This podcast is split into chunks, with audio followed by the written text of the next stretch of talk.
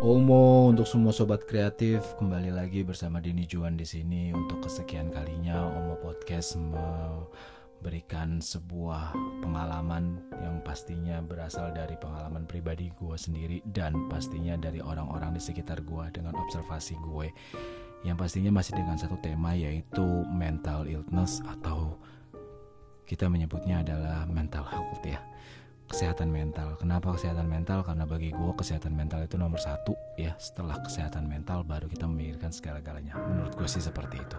Dan sekarang yang ingin gue bahas adalah sesuatu yang menurut gue jauh lebih deep daripada sebelum-sebelumnya, yaitu tentang toxic positivity.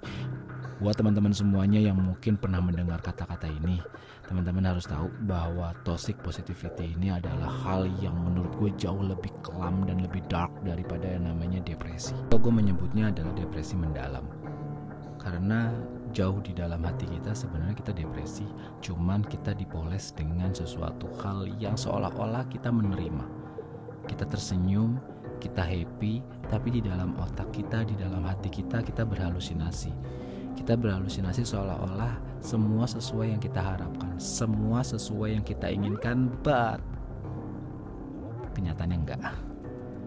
Ini jauh lebih bahaya karena akhirnya yang nanti yang ada adalah lo menyimpan sebuah bara yang artinya badan lo panas sebenarnya Cuman karena sekarang lagi mewabah vibe positif yang di-share oleh banyak orang Sehingga lo merasa bahwa lo baik-baik aja. But trust me, sebenarnya jauh di dalam hati lo Itu lebih parah. Ya, usia paling rentan yang paling sering kena kasus seperti ini adalah di usia labil seperti remaja. Tapi bukan berarti di usia matang itu tidak kena karena kondisinya adalah kalau kita berhubungan dengan toxic positivity berarti kita berhubungan dengan penerimaan, keikhlasan atau perbandingan. Ketika lo masih membandingin, ketika lo di hati lo masih membandingin dengan nasib kehidupan orang lain, walaupun seolah-olah lo berpikir positif, tapi percayalah itu cuma halusinasi. Karena tetap lo masih ngebandingin kenapa gue begini sementara di luar sana ada orang yang lebih baik hidupnya daripada gue. Sehingga yang terjadi adalah lo hanya berpura-pura lo menjadi orang itu. Lo berpura-pura lo hidupnya baik-baik aja. Contoh kecil adalah misalnya lo berbeda pendapat dengan pandangan orang tua lo sementara lo ngeliat temen lo fine fine aja sejalan searah satu visi sama orang tuanya. Di saat itu pula di waktu yang bersamaan lo seolah-olah merasa seperti dia, seperti teman lo itu. Sehingga orang tua yang ada di dalam gambaran lo itu sebenarnya bukan orang tua lo. Itu tidak nyata, itu cuma halusinasi. Seolah-olah yang lo harapin orang tua lo menjadi A, B, C, dan E. Tapi sebenarnya enggak.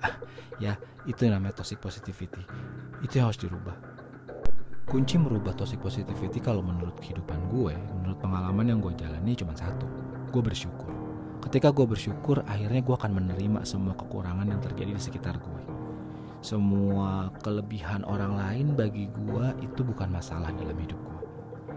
Tapi ketika gue merasa bersyukur, gue akan merasa bahwa diri gue memiliki nasib yang baik, memiliki kehidupan yang baik, tanpa harus membandingkan dengan siapa pun ketika lo akan menerima ini sebagai sebuah rasa uh, syukur, artinya lo akan ikhlas. Setelah lo ikhlas, artinya lo akan benar-benar memiliki perasaan positif, memiliki pikiran positif, vibe positif yang benar-benar terjadi itulah yang akan lo dapatkan.